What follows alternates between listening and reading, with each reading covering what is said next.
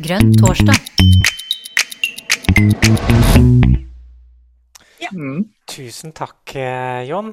Hei, alle sammen, og velkommen til en ny Grønn torsdag. Eh, med meg i redaksjonen i dag så har jeg Jon Lurås, mitt navn er Karine Ødegaard. Og i dag så har vi en veldig viktig gjest. Det er nemlig Lan Marie Berg, som er eh, en av våre tre stortingsrepresentanter og parlamentarisk leder. Og i tillegg så står hun eh, som, eh, til valg som nestleder i Miljøpartiet De Grønne. Så det blir veldig spennende. Lan, velkommen til oss. Tusen takk. Veldig stas å være her. Ja, men Så bra. Vi, vi, er jo litt sånn spent på forskjellige ting vi da når vi først eh, får deg. For du er jo ikke noe lett person å få tak i. Eh, du har jo et ganske travelt eh, liv. Um, hvordan er det å være LAN for tiden? Du, Det er hektisk. Eh, nå har jo Stortinget akkurat åpnet, og vi har både fått eh, trontaledebatten og trontalen til kongen, eh, der hvor man sier litt om hva som har skjedd siden i fjor, og hvordan på en måte både rikets og verdens, spesielt nå, da, tilstand er.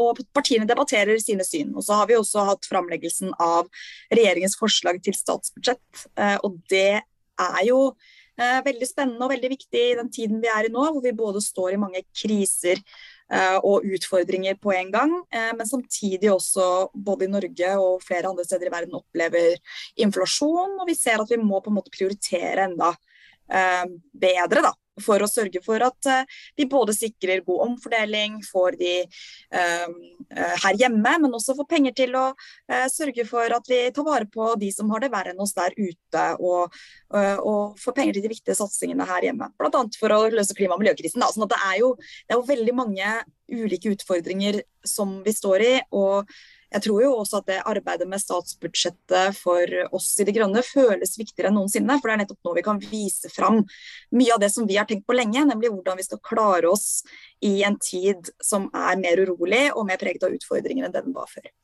Hva er det med det uh, fremlagte statsbudsjettet som skuffer deg mest?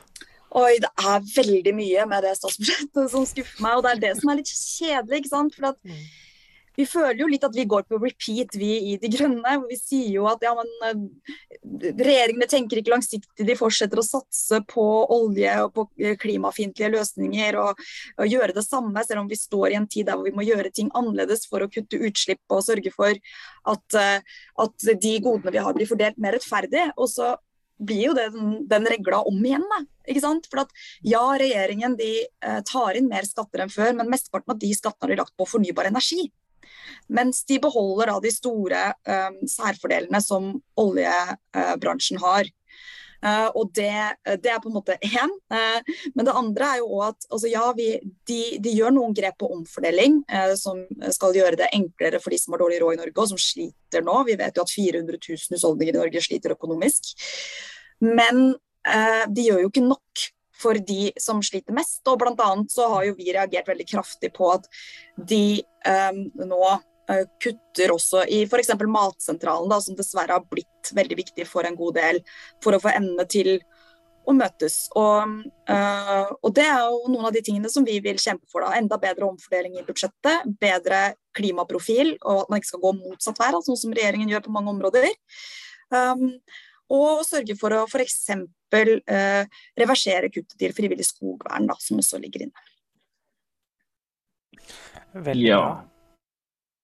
Eh, jeg lurte litt på det, det, det er det sånn at disse Nå har vi da Arbeiderpartiet og Senterpartiet i regjering. Vi tok jo litt sånn standpunkt at vi kanskje likte Arbeiderpartiet litt bedre enn Høyre for en stund siden. Og nå har det kommet noe ordentlig gjennomarbeida budsjett. Eh, står vi for det fremdeles, at eh, Arbeiderpartiet er litt bedre enn Høyre?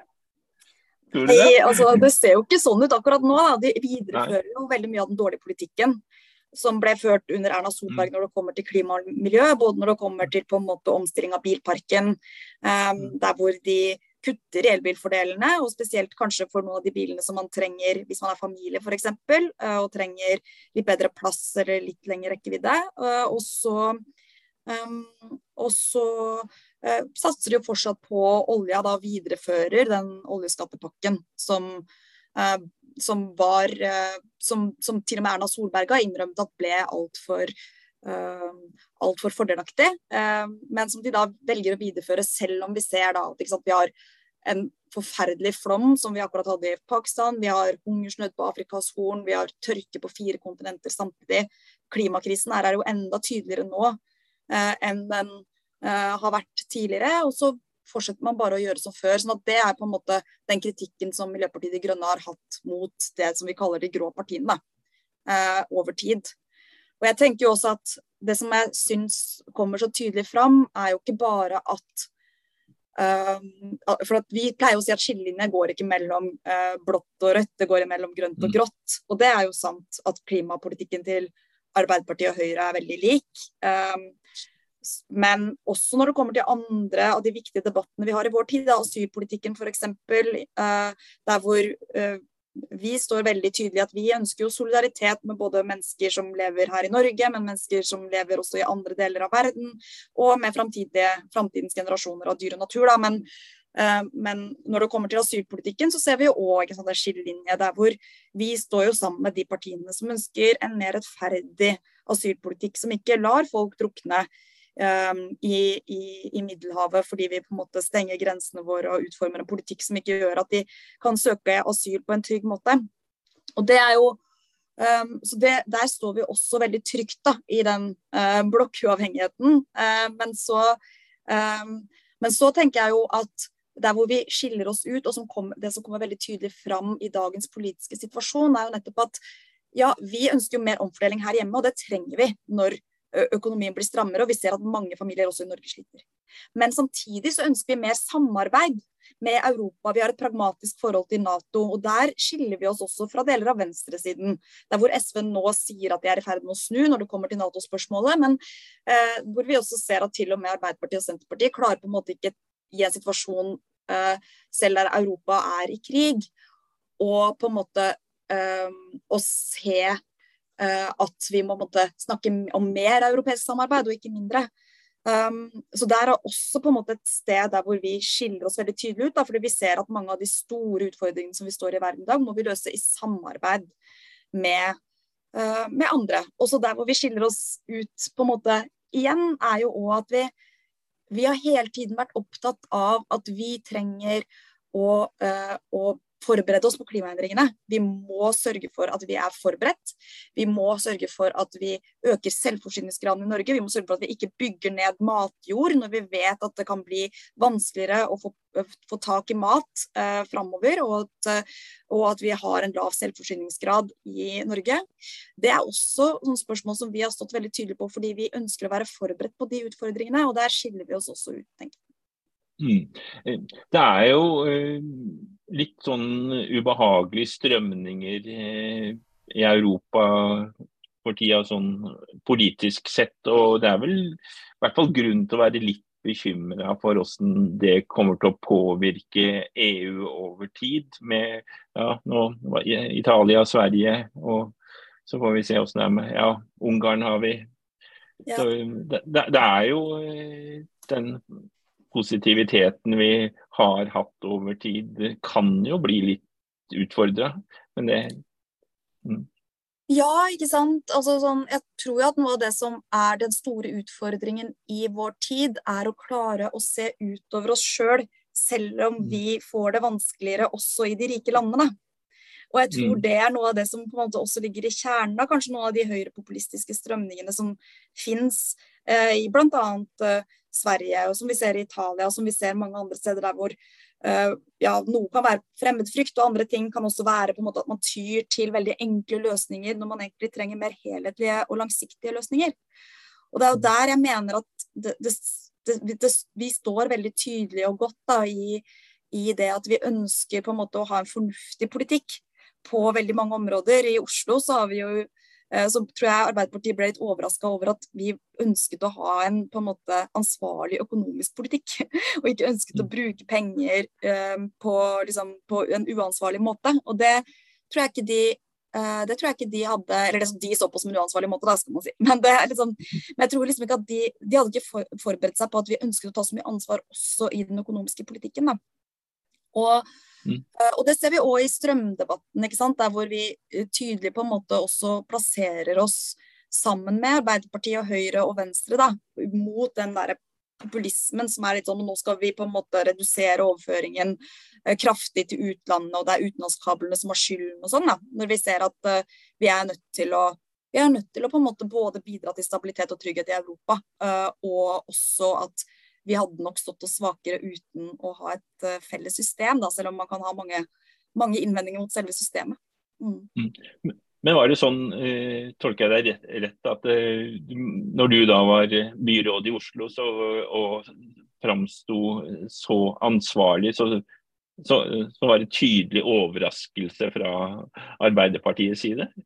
Jeg tror de ble overraska over at vi på en måte i 2015 da, så tilbød vi oss å skrive det kapitlet om økonomisk politikk. og da var det, sånn, det var nesten så de ble litt sånn tatt på senga, så vi fikk jo lov til det. og det var jo genialt, ikke sant? for da fikk vi inn dette med at vi måtte ha en felles innkjøpsstrategi, og at vi skulle sørge for å få Um, få, få, Oslo kommunes pensjonsforsikring ut av all fossil energi. Uh, og at vi skulle ha et klimabudsjett og at vi skulle ha styringsverktøy, da, som f.eks. at klima og miljø skulle og natur da, skulle uh, vurderes i alle saker som kommer til bystyret, og ikke bare sånn, en vurdering av økonomi, da, som det ofte kommer. Um, og, uh, eller økonomiske konsekvenser, da, som det pleier å stå en sånn bolk om i sånne saker. Og, og, og det fikk vi da inn. og det Uh, og så en del på åpenhet og sånn. Og det var Det ble de overraska over. Og det gjorde at vi fikk definert mye av det, og definert mye av på en måte formen på det. da. Mm. Og nå har vi jo finansbyråden i Oslo. Mm. Um, ja. Det er jo veldig stas. Mm. Men det var litt tøft da, da i 2015, når vi plutselig kom i vi, ja, kom plutselig i posisjon i Oslo, og så eh, legge lista så høyt. Det, da var det vel greit å ikke være småbarnsmor på det tidspunktet? jo, det kunne jo hende at det hadde gått òg, men uh, det er klart at det var jo litt av en uh, Det var litt av en stige for både hele partiet, for Oslo-partiet uh, og for meg personlig. men det jeg er så stolt av, det er på en måte Det er det er jo ikke bare hva på en måte man fikk til å lage på rådhuset fikk til, men mer hvordan på en måte hele Oslo-laget var med på reisen.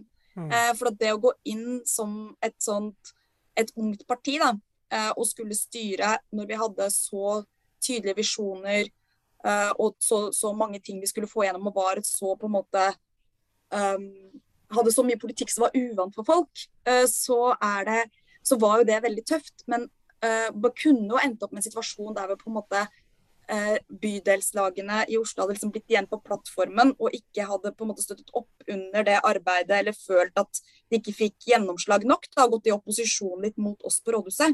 Men det skjedde ikke. De på en måte var hele veien med, og det tror jeg var noe av bakgrunnen for uh, den uh, selv, om, selv, om, noen av de også gikk på nederlag, så var de med hele veien. Og det tror jeg er noe av bakgrunnen for på en måte at vi klarte å doble oss i valget etterpå. da. Uh, at man på en måte at hele laget dro i samme retning, og at man på en måte tok ansvar sammen. Og på samme måte så har jo hele partiet også på mange, mange måter blitt, blitt, med på den reisen. da, fordi at Oslo-prosjektet har vært så måte, det, har vært, det var i de første årene så veldig mye nasjonal medieinteresse over at på en måte Miljøpartiet De Grønne gikk inn og var en avgjørende maktfaktor i Oslo. Um, og så tenker jeg at eh, det at vi jeg sier jo vi, da, selv om det er strengt tatt uh, var på sidelinjen på det tidspunktet. Men det er liksom litt gøy å si vi. Um, uh, var så tydelig på å ta ansvar og også ta del i den økonomiske ansvarligheten. Og, og, og, det å trekke linjene tilbake til 2015 nå, når vi nå i 2022 skal legge fram et alternativt statsbudsjett for 2023, så, så, viser det at dette henger sammen. Dette er en del av vårt DNA. Å tenke god og, og, og, og balansert eh, økonomi i budsjettene. Eh, har du noen lekkasjer å komme med i forhold til det alternative statsbudsjettet vårt? ja, Og så vil jeg bare si at jeg, jeg, mener jo vi. Det er vi som har stått i dette sammen, uansett hva som på en måte Uh, i, i, hvilken del av partiet det har skjedd. Da. jeg går rundt og er liksom vanvittig stolt over hva Ørjan har fått til i Vardø. Uh, og det er jo uh, og det er jo ikke noe som jeg egentlig kan ta noe ære for, men jeg er bare veldig, veldig stolt av det. Da. Og som en del av liksom vårt felles prosjekt. Da. Men jeg kan jo si at ja, det, vi kommer jo til å ha det beste klimabudsjettet, det er klart. Og vi har hatt et klimabudsjett i vårt alternative statsbudsjett siden 2018. Um, litt etter på en måte uh, inspirasjon da, fra det arbeidet som har vært gjort um, i Oslo. Og så, uh, og så kommer vi jo til å fokusere på de sakene som vi har blitt enige om i valgkampen strategien, som jo er ikke sant, det er by- og tettstedsutvikling, klima, miljø og natur. Det er beredskap og eh, forsyningssikkerhet eh, som, eh, som, vi er enige om, og en del andre saker. Og Det er på en måte, eh, det vil jo være kjernen også i alternativt statsbudsjett. Mm. Og I tillegg så er det det siste statsbudsjettet som kommer før kommunevalget. og Det er viktig at det kan støtte opp under da, alle dere da, som skal stille til valg eh, rundt omkring i landet. Og det er jo det aller viktigste som skjer nå, da. Som jeg tenker at da ja, ja, jeg gleder meg veldig til. Da. Eh, det blir veldig rart å være på, en måte på utsiden av en sånn lokalvalgkamp, siden jeg nå på en måte har fått være på liksom innsiden, i hvert fall i ett av lokallagene. Da, i, uh, og, og, vært med å drive det fram på en måte i to omganger. Men, uh, men jeg håper jo også, da, det håper jeg jo litt som nestleder, å kunne være med på å bruke de erfaringene som jeg har opparbeida meg da, fra Oslo-politikken og det å drive valgkamp lokalt, da, um, også inn i ledelsen. Så dette blir jo den første, uansett eh, om du blir nestleder ikke, så, så, vil jo dette være den første lokalvalgkampen hvor du er en nasjonal profil. Eh, så det er jo litt spennende å se det fra den vinklingen også, eh, tenker jeg, da. Eh, og litt ekstra ansvar òg, for plutselig så er det, fakt, er det, faktisk ganske viktig at du prater for mer enn Oslo. Eh, kjenner du på litt prestasjonsopplegget eh, her, eh, Lan?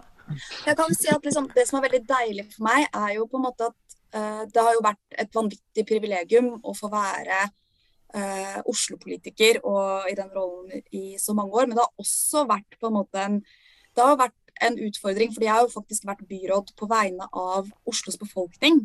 Mm. Samtidig som jeg har vært en veldig eh, sånn sentral figur for Miljøpartiet De Grønne.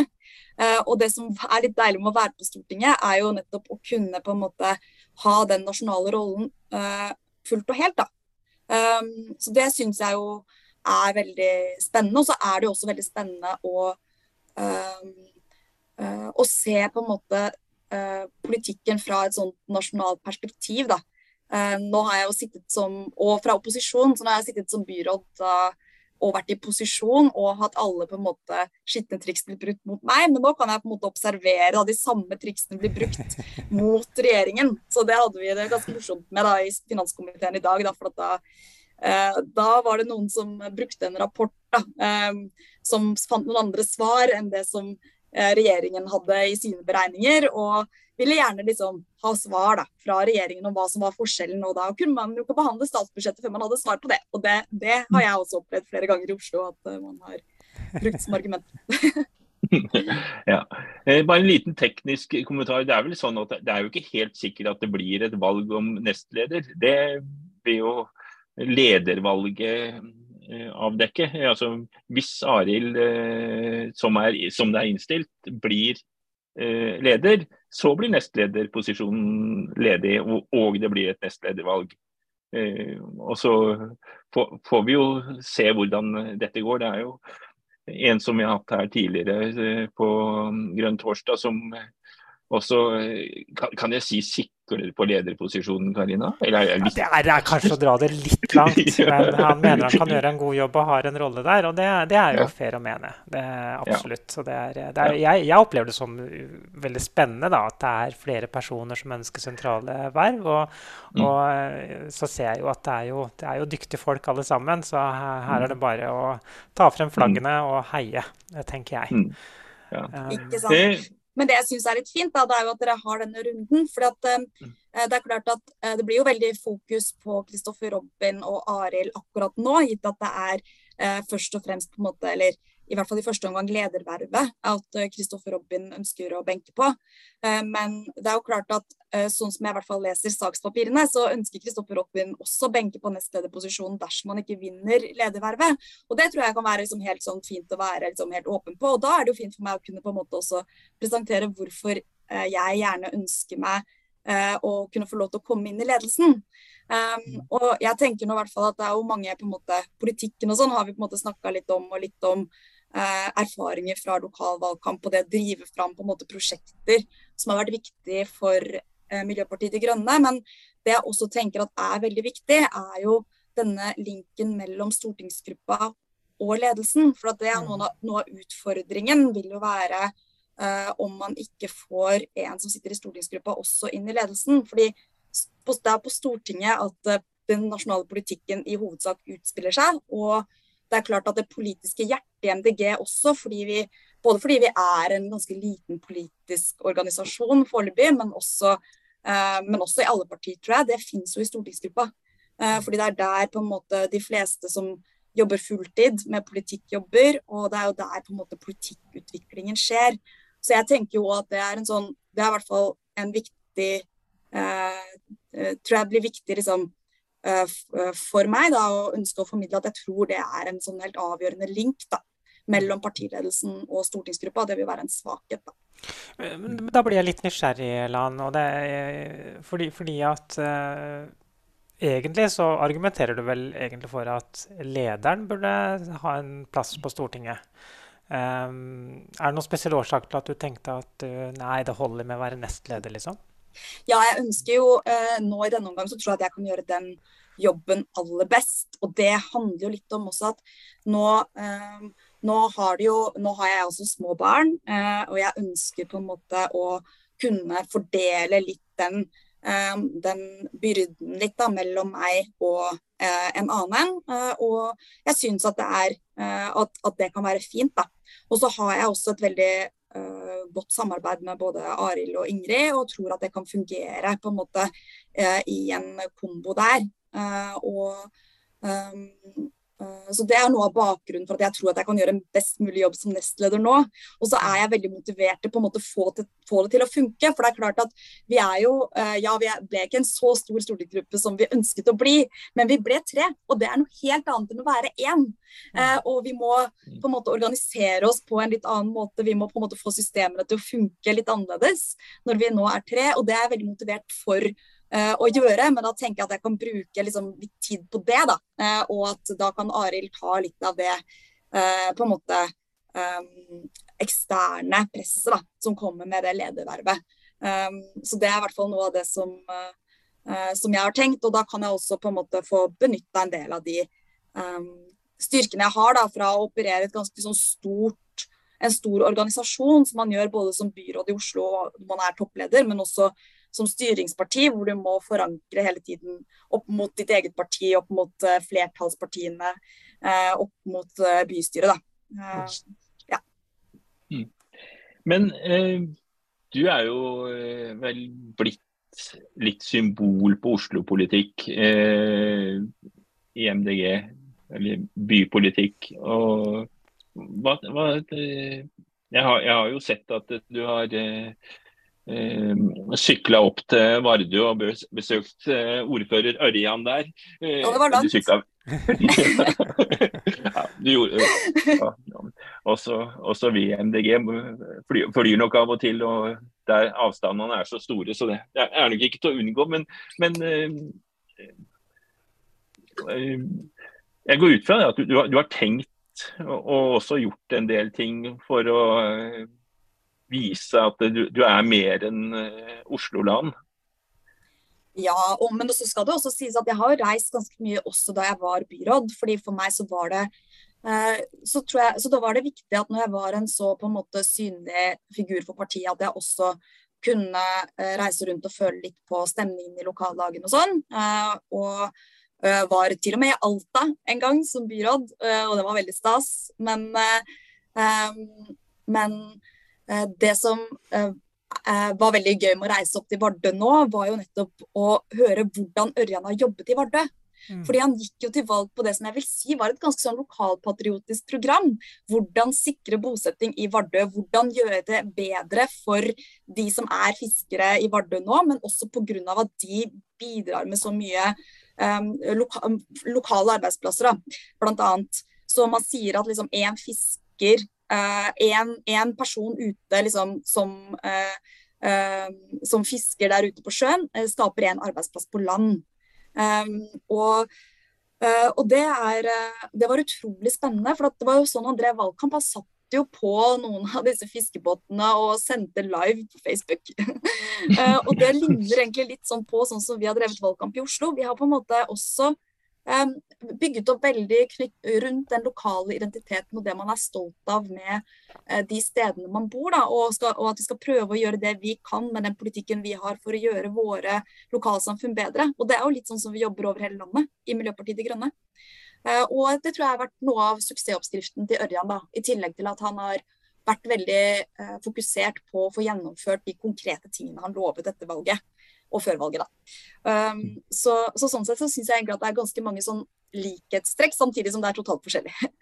um, så, uh, og så har vi hatt grønn stafett nå, da, uh, hvor, uh, hvor vi har fått opp både masse fantastiske frivillige tillitsvalgte og folkevalgte rundt om i hele landet, og på en måte kickstarta valgkampen. Og det har vært helt fantastisk. Ja. Og bare si, Ørjan, Det er Ørjan Jensen, som er da MDGs eneste ordfører. og Han er da ordfører i Vardø, og det, er, det kan man vel si at det er i helt andre enden av landet. Det, det, det tror jeg man kan si. Norge. Det er, det, er, det er, øst for Istanbul, for de som er eh, godt kjent på kloden. Ja. så, ja nei. Det, men jeg, for, for, første gang da, i livet mitt så var jeg i Vadsø, for der har jeg ikke vært før. Og det, mm. eh, eh, og det var bare liksom, Det var en veldig spesiell opplevelse for meg. for at en av de første sånn, bokopplevelsene for meg var da jeg leste noen bøker om to barn som het Sofie og Katrine. Og som måtte flytte fra Vadsø og ned til Larvik under krigen, da de ble på en måte tvangsflytta mm. av tyskerne. Um, og, og, for meg da å komme til Vadsø og oppleve den byen som hadde vært deres, da, det var ganske, det var ganske spesielt. da. I tillegg så var jo Kvenmuseet, det var jo, det var jo på det gamle NRK-bygget. Og, um, og, det var også veldig sånn Det var veldig sterkt å høre om den der fornorskningsprosessen og hvordan det har påvirka um, påvirka hele lokalsamfunnet der, da. Mm. Det er sterke inntrykk. det er sterke inntrykk. Men dere fikk jo noen fine lokaloppslag eh, også når dere tok buss? Ja, det var jo ekstra stas. da. Det var liksom morsomt at han bussjåføren eh, både, eh, både, så at det var oss, men også påpekte at eh, han ikke hadde møtt noen andre politikere som drev og tok bussen mellom Vardø og Vadsø. Ja. og det, det, tenker jeg at det, det, er jo også litt rart, for det var en veldig grei buss. ja, ikke sant? Ja. Men da, da, lurer jeg på, eh, Lan, dette er et geografispørsmål, stoppa bussen i Kiberg? Du, det, det, er mulig at det gjorde det. men jeg er veldig dårlig på stedsnavn. Men det stoppa jo flere steder. Ja. ja. Nei, det er, det er sånn utkant i Vardø kommune som jeg kjenner noen som har vokst opp i. Sånn det, det kan hende at bussen ikke kjørte ned om, det, det vet jeg ikke. Men, jo, vi kjørte nedover et sted, skjønner du, og det var fortsatt i Vardø. Eh, men ja. Eh, nå husker jeg ikke akkurat hva det het. Men ja. Nei. Nei, jeg, jeg har vært der og sett på fugler. Mm. men uh, nå har vi vært litt innom uh, hvem du er, men liksom, uh, jeg lurer jo litt uh, Det er jo ikke alle som kjenner din bakgrunn. Hva, hva, gjorde du for noe før du plutselig ble MDG-politiker i Oslo? Ja, nei, har du et liv før òg? Ja, jeg hadde delvis et liv. men jeg ble jo med i Miljøpartiet De Grønne i 2014. Da var jeg 27 år, så jeg hadde jo noen år før det. da, eh, før, mm. Hvor jeg ikke var eh, på en måte aktiv i et politisk parti. og Grunnen til at jeg ble med i klimabevegelsen, da, som var på en måte der jeg ble eksponert for MDG første gang, og sånn, det var jo at jeg skjønte at ja, hvis, skal, hvis vi skal sørge for internasjonal solidaritet og sørge for at de som de fattige landene kommer seg ut av fattigdom og sånn, så uh, får vi ikke det til hvis ikke vi løser klimakrisen. Fordi klimakrisen har kraft i seg da, til å reversere veldig mange av de utviklingsstegene som vi har gjort, uh, og som de har gjort da, de siste tiårene. og det var noe av det som berørte meg sterkest. For vi ser jo det allerede nå. Når en tredjedel av Pakistan er under vann, når millioner av barn i Somalia sulter, eh, så ser vi jo at det er de verdens aller fattigste og svakeste som rammes hardest. Eh, og det, det opprører meg sterkt. Men vi vil nok også se det i i de, altså i de rikere landene også. Og, og, det har vi også sett tidligere under tidligere katastrofer, som f.eks. Katrina, orkanen Katrina. Så uh, ser vi at det er de fattigste som rammes hardest. Um, også innad i land. Uh, så det er noe av det som var bakgrunnen da, for at jeg kom inn i klimapolitikken. Og Så engasjerte jeg meg i en ungdomsorganisasjon og kom meg til klimatoppmøtet i København. Og skjønte at ja, det er jo ikke klimatoppmøtene som kommer til å fikse det, dette må vi fikse sjøl. Eh, mm. Fordi politikerne har jo ikke det mandatet som de trenger når de kommer til klimatoppmøtene. Eh, så da så jeg jo at alle de andre som var der, de skulle hjem til sine hjemland, eh, de andre ungdommene da, som var aktivister her. De skulle hjem eh, og fortsette å presse på politikerne hjemme, og da ville jeg også gjøre det samme. Og, og det har vi jo stort sett liksom fortsatt med. da, Jeg følte meg jo veldig hjemme når jeg kom til Miljøpartiet De Grønne. Og ser også hvordan man kan tenke liksom enda mer helhetlig da, rundt det å drive med grønn politikk. Fordi, um, fordi at altså sånn I Oslo så var det jo det her med å se så tydelig hvordan lokalpolitikken, når den blir grønnere, hvordan det også gjør livet bedre for alle som bor i Oslo. Men sånn er det jo rundt omkring i landet òg, at grønn politikk også gjør eh, livet bedre. at vi blir tryggere, at vi sørger for at vi er mer forberedt. At vi Eh, tar vare på matjorda vår, at vi sørger for at, eh, at, eh, at bøndene får bedre vilkår, og spesielt de små og mellomstore brukerne. Da, at vi ser liksom, ting i sammenheng. Og det syns jeg er den store styrken til Miljøpartiet. Nå er det jo sånn, Lan, Du har jo du vært i politikken noen, noen år nå, og, og, og, veldig markert i Oslo. Du blir jo mer og mer synlig fra, fra Stortinget også. Eh, eller nå, da. Eh, det blir jo ikke også, det blir jo istedenfor, faktisk. Eh, hvordan tenker du at folk utenfor partiet gradvis vil oppleve deg annerledes? Altså, hvilken, hvilke sider ved deg selv er du forvist på en annen måte nå enn den du viste da du var aktiv i Oslo-politikken? Nei, Det er jo den der store forskjellen mellom å være lokalpolitiker og eh, nasjonalpolitiker. Da, og at man som byråd i Oslo, så er man jo statsråd, da, bare på bynivå. Så man har på en måte et helhetlig ansvar for alle innbyggerne i Oslo for sin sektor. Uh, enten det er på en måte politikken man driver igjennom, eller, uh, eller det man har ansvar for sånn Uh, i, under sitt felt. Da. Så Det er på en måte, det er jo en ganske stor forskjell i seg selv. og Nå sitter jeg jo i finanskomiteen på Stortinget. Jeg får lov til å jobbe med den helhetlige økonomiske politikken vår. og så Det er jo en bedre knagg for meg til å f.eks. snakke om omfordelingspolitikken vår. Det er en bedre knagg for meg til å snakke mer helhetlig om den nasjonale politikken vår. Da. Og det tror jeg jo at er er veldig annerledes. Og så er jeg jo i opposisjon. Eh, og mm. det er på mange måter en enklere rolle enn å være i posisjon, og spesielt i en så utsatt posisjon som jeg var i som byråd. Og, og, det må jeg bare si at det er jo, det er jo sånn sett, det er jo sånn sett veldig, veldig deilig, da. Men på samme tid så mener jeg jo at um, vi skal fortsette som parti å være tydelige i klima- og miljøsaken. Det er vårt ansvar å være det beste og viktigste partiet på klima og miljø, som viser fram når de andre partiene eh, eh, feiler og ikke gjør det de skal. Og så skal vi vise fram også det større prosjektet vårt, og det har vi en veldig god knagg for nå, nettopp pga. den kritiske altså den, den, den, den, vanskelige situasjonen som verden står i, med krig i Europa, med, uh, med uh, muligheter for mat, uh, faktisk matmangel framover i verden, med klimaendringene som rammer så hardt og krever veldig mye mer av oss enn det det gjorde før. Samtidig som det også krever mer av oss i Norge.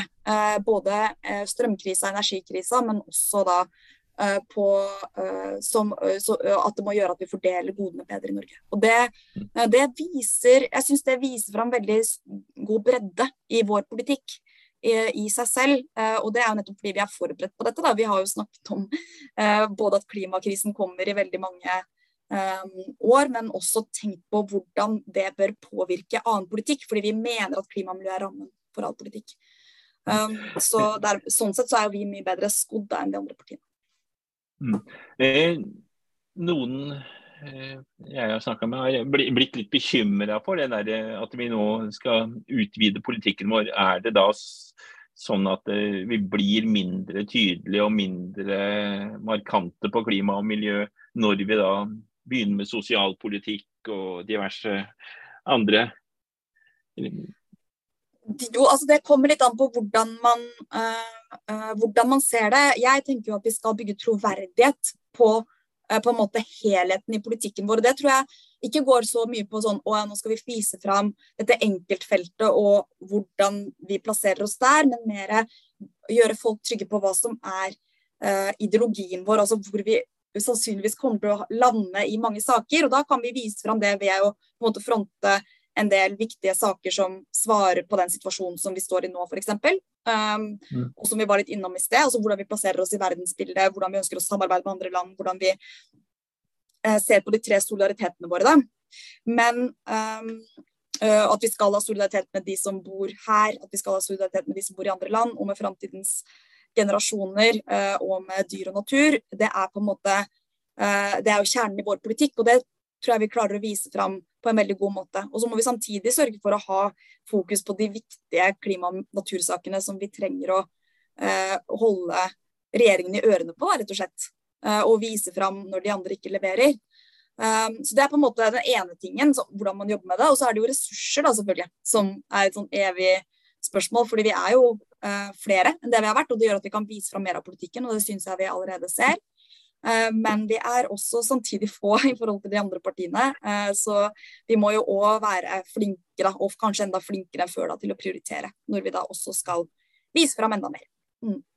Det er én ting jeg lurer på, som jeg har hørt om livet på Stortinget. Eh, som jeg lurer på om du også kan bekrefte. Er det sånn at det faktisk er veldig hyggelig. At du får støtte fra alle partier. Og, altså, sånn at det er kollegial stemning der. da.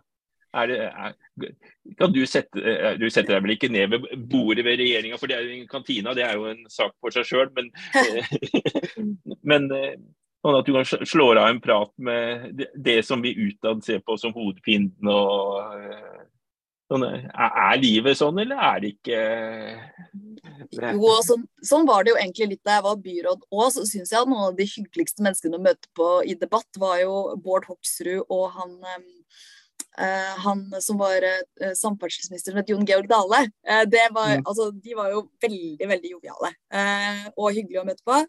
Um, men, og det er veldig kollegialt på Stortinget, syns jeg. samtidig som jeg kommer jo fra på en måte et et samarbeid der hvor det var på en måte oss tre partiene sammen. Eh, og det mm. var jo òg veldig kollegialt. Og det er litt annerledes nå, da, for nå står MDG på en måte mer alene. Så, eh, sånn i det politiske arbeidet, da. Eh, hvor vi på en måte kan finne samarbeidspartnere og, på enkeltsaker, men som helheten i prosjektet står vi alene. Mm. Men vi må over på en ting som eh, er litt mer utfordrende, Lan. Eh, det å delta i politikken og vi er jo ganske opptatt av at uh, alle grupper skal kunne komme fram. Det er jo sånn, ja, På Stortinget så er det jo liksom noen Det er vel uh, gruppa i 40-50-åra som er den store. og så De under er underrepresentert, og de over er underrepresentert. Så du har jo hatt uh, no, noe personlige erfaringer og sikkert gjort deg mye tanker rundt det, det som en, eh, noen blir utsatt for i politikken. Altså det å være frampå, være så tydelig i media som du, du har vært. da. Altså, og ja, Har du tenkt litt rundt det her? Mm. Jeg tenker jo at uh, det er jo selvfølgelig et demokratisk problem at uh, den, altså tonen i den politiske debatten og kostnaden av det å delta i politisk debatt er veldig høy. For mange. Og så vet vi at det er noen som kostnaden er høyere for. Og det er jo nettopp de stemmene man er mer uvant med å høre noe fra. Enten, at, enten det er unge kvinner, enten det er folk med en annen legning enn heteroseksuell, enten det er, um, enten det er folk med en annen hudfarge, eller, um, eller om det er unge, da. Uh, og det som er på en måte paradokset i det, er jo at det er nettopp de stemmene vi kanskje på en måte som samfunn ønsker å høre mer fra fordi de er underrepresentert. De er folk uvant med å høre noe fra, så de blir mer utsatt. Um, og det tror jeg er litt sånn, Så det er på en måte noe av det som jeg syns er utfordrende på en måte, Eller det er kanskje et av de største demokratiske problemene, tenker jeg. da, eh, I tillegg til at eh, det at det er mye hets og trakassering, eh, spesielt i sosiale medier, da, i politikk mot de som ytrer seg på en måte politisk. At det kan bidra til å skremme folk bort fra å engasjere seg, eller ikke gjøre dem motivert til å prøve. Um, så, så, så, det tenker jeg vel at er liksom noe av hovedproblemet, og det som gjør at det blir et sånn demokratisk problem. Nei, Jeg merker jo, jeg sitter jo da i kommunestyret i Løten, og det er jo ikke mange unge damer der. Eh, det var ei som var småbarnsmor, og situasjonen ble litt for, for vanskelig. og det er, det er jo altså, hele, Vi har jo systemer som egentlig er tilpassa um, oss middelaldrende og eldre menn. Så, ja. altså, han har enkle, tilsynelatende enkle ting som møtetidspunkter, ikke sant. Det, ja. altså, jeg kan jo stille opp på de fleste tider på døgnet, eller det er litt vanskelig på dagtid, men eh, det er jo fordi at jeg har en annen jobb. Men det er, det er, eh, altså, det er viktig eh, at vi har med folk som har andre erfaringer, som det var jo det du var inne på. For da vil vi ta litt andre avgjørelser. For da er bedre, sakene bedre belyst. ikke sant? Mm. Ja, og det, og det, er det jo. Og det er på en måte en annen del av politikken. Da, det å gjøre den mm. tilgjengelig for alle. Uh, og at det mm. skal være enkelt å delta for alle. Uh, og, og, det syns jeg jo at uh, man har begynt å få en debatt om nå. Da, både møtetidspunkt og, uh, og f.eks. representasjon da, både av kvinner og, unge. Eh, som jo har vært en utfordring over tid, men hvor man også ser at det er andre ting som, altså sånn strukturelle ting da, som eh, vi kan mm. gjøre. Og så kan det sies at Det er jo ikke bare det politiske systemet som er på en måte tilpassa menn, men det er også helsevesenet vårt er jo også tilpassa menn. og Det er noe av det som vi jobber med da, nå på Stortinget, er jo nettopp eh, representantforslag på det. Hvordan er det man eh, styrker eh, helsevesenet, sånn at man får reell likestilling mellom kvinner og menn. Sånn at det også skal være tilpasset de utfordringene som kvinner kan stå i, f.eks. For i forbindelse med det å bære fram barn eller fødsel eller um, eller det som kanskje er etter fødsel, eller ulike utfordringer da, som, er, som, ikke er forsket like mye på når det kommer til kvinnekroppen som når det kommer til mannekroppen. Så det er på en måte, det er noen av de tingene som vi da nå på Stortinget jobber med, uh, fordi at vi ønsker et mer likestilt samfunn. Mm. Det, er man, det, er, det, er greit for meg å få noen sånne gammelmannslidelser, for det er det helt sikkert en eller annen uh, som har eh, forska godt på og har gode, gode, løsninger på. ja, ikke sant? Det er ikke så mye tabu heller. Vi har blitt flinkere til å prate om det. ikke sant? Men det er veldig mange kvinnelidelser som, man, som det er mye tabu rundt å snakke om.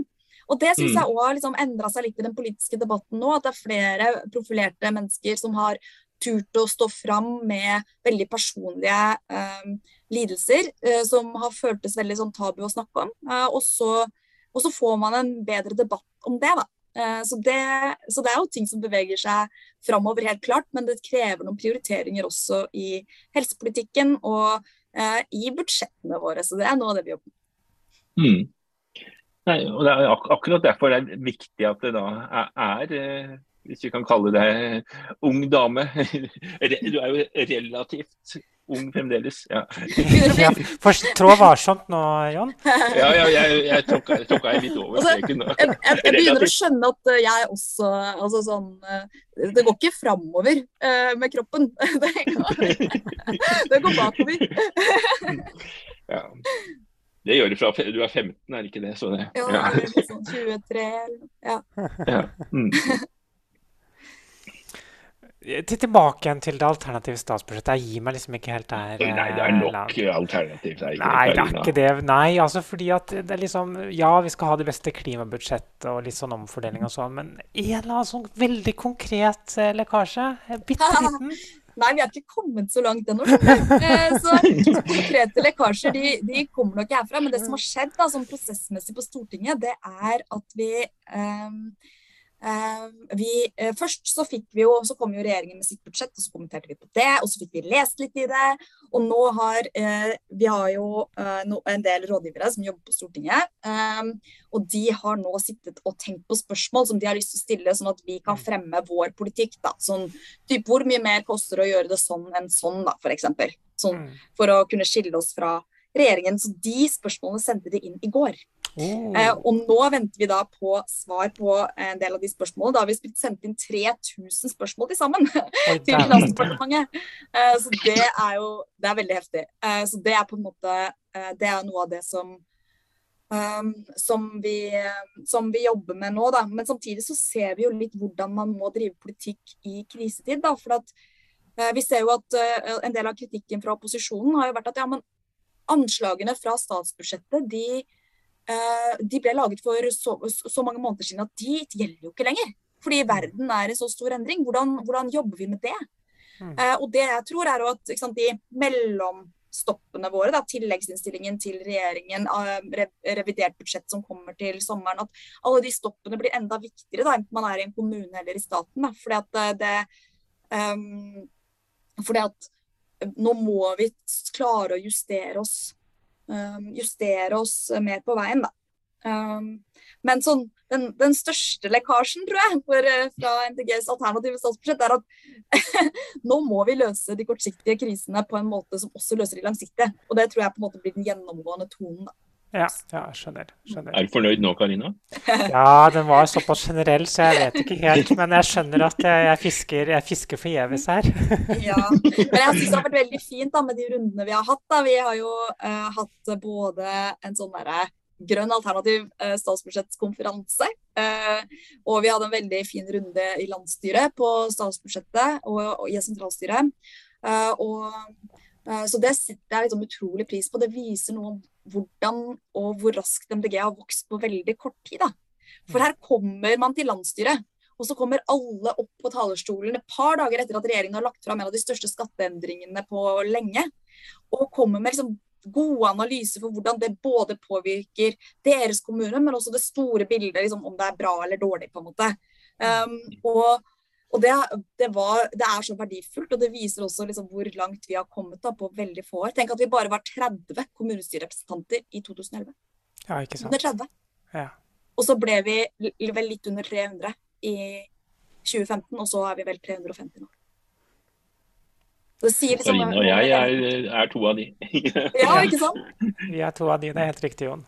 ja. Og det har klart veldig skal... mye av oss. Men vi har jo også liksom, vi har jo vokst vanvittig liksom, både så, i alle organene våre og som parti da, i årene. Ja, nei, jeg, skal, jeg, skal, gi meg med, med alternativt statsbudsjett. Jeg skjønner det. Altså, Sjøl jobber jeg jo i det private næringslivet, så jeg er jo ikke så happy med, med, med den økningen i arbeidsgiveravgiften, ja. selv om den er midlertidig. fordi at den risikerer risikere at vi faktisk taper en del arbeidsplasser når vi faktisk trenger de mer enn noensinne. Ja. Der, så jeg føler at det er en del ting der som ikke henger sammen, da, men jeg skjønner at det er litt for konkret akkurat uh, nå. Ja, men det kan jeg si at det er det jo mange uh, som har uh, har kommentert på også de høringene eh, vi har hatt. Eh, og noe som vi prøver på en måte å legge hodene våre i bløt på, da, for mm. hvordan man eventuelt eh, kan løse det. For vi syns jo òg at det er problematisk. Og så er det jo også problematisk på flere plan. Da, både at trepartssamarbeidet ikke har vært involvert i det.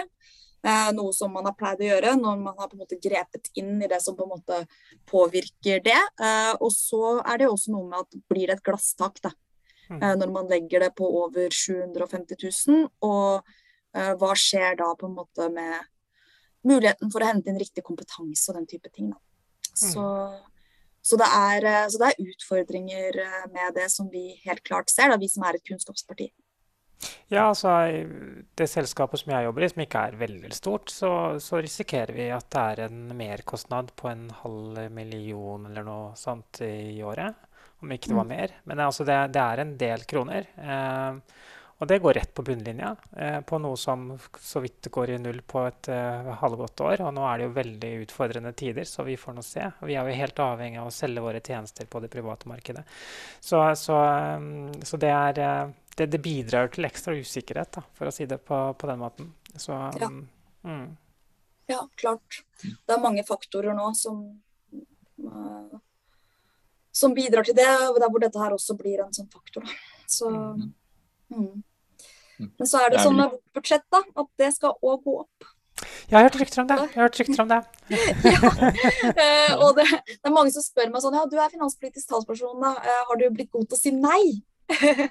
Eller da er du vel god til å si nei, da, sier folk. Og så sier jeg at jeg trener meg på det, da. Men uh, akkurat i denne saken så har vi jo ikke landet. Jeg tror det også er en sånn kandidat da, til å ta med til sentralstyret. Mm, absolutt. absolutt. Det blir veldig spennende å følge med videre på, det må jeg si. Ja. Mm. Ja, Jon, vi begynner å nærme oss uh, slutten her, men du har et par ting du vil kjøre løs på før vi avslutter? Ja, jeg har det fordi at vi må jo finne ut uh, det store Grunnen til at du fikk lov til å komme på Grønn torsdag, Lan, var jo pga. at du har uh, gått for nestleder. Ja. og når jeg da 26.11. da er det blitt valgt Kanskje, kanskje, vi kan si at Arild har blitt valgt som leder, og da blir det avstemning mellom deg og Det er vel bare Kristoffer Robin Haug som er eh, eh, De andre tror jeg har trukket seg. Så eh, hvorfor skal jeg velge deg? Du skal ikke snakke ned Kristoffer Robin, nå skal du snakke opp deg. Ja, ja. ja ikke sant. Mm. Det er veldig viktig eh, i sånne valgprosesser at man sørger for å snakke opp til kandidaten man er for. Eh, mm. Nei, da håper jeg at du velger meg, fordi eh, jeg kan bidra med jeg tror, en ganske unik erfaring inn i ledelsen. Både fra å ha ledet lokalvalgkamp i vårt største lokallag tre ganger. Uh, jeg har drevet fram et stort prosjekt i Oslo sammen med veldig mange andre.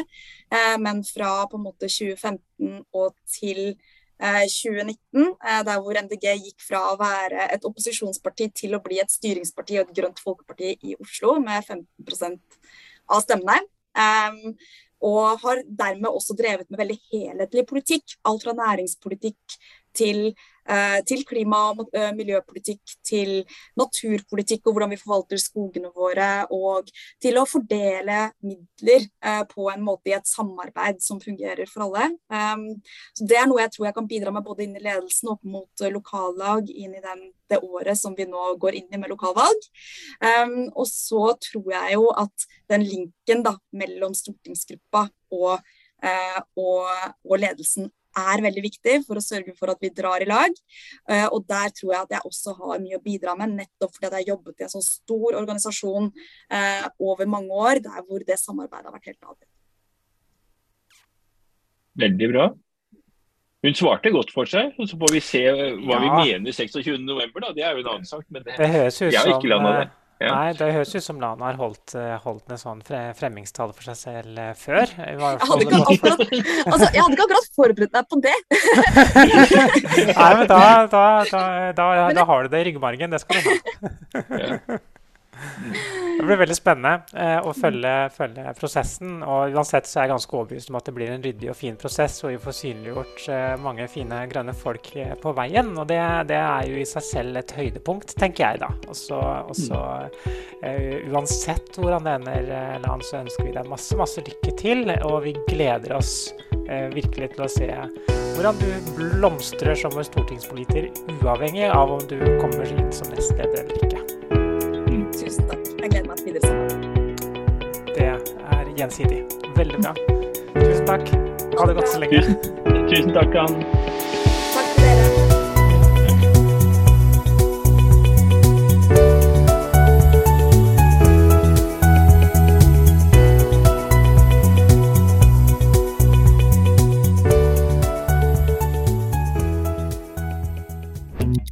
Grønn torsdag.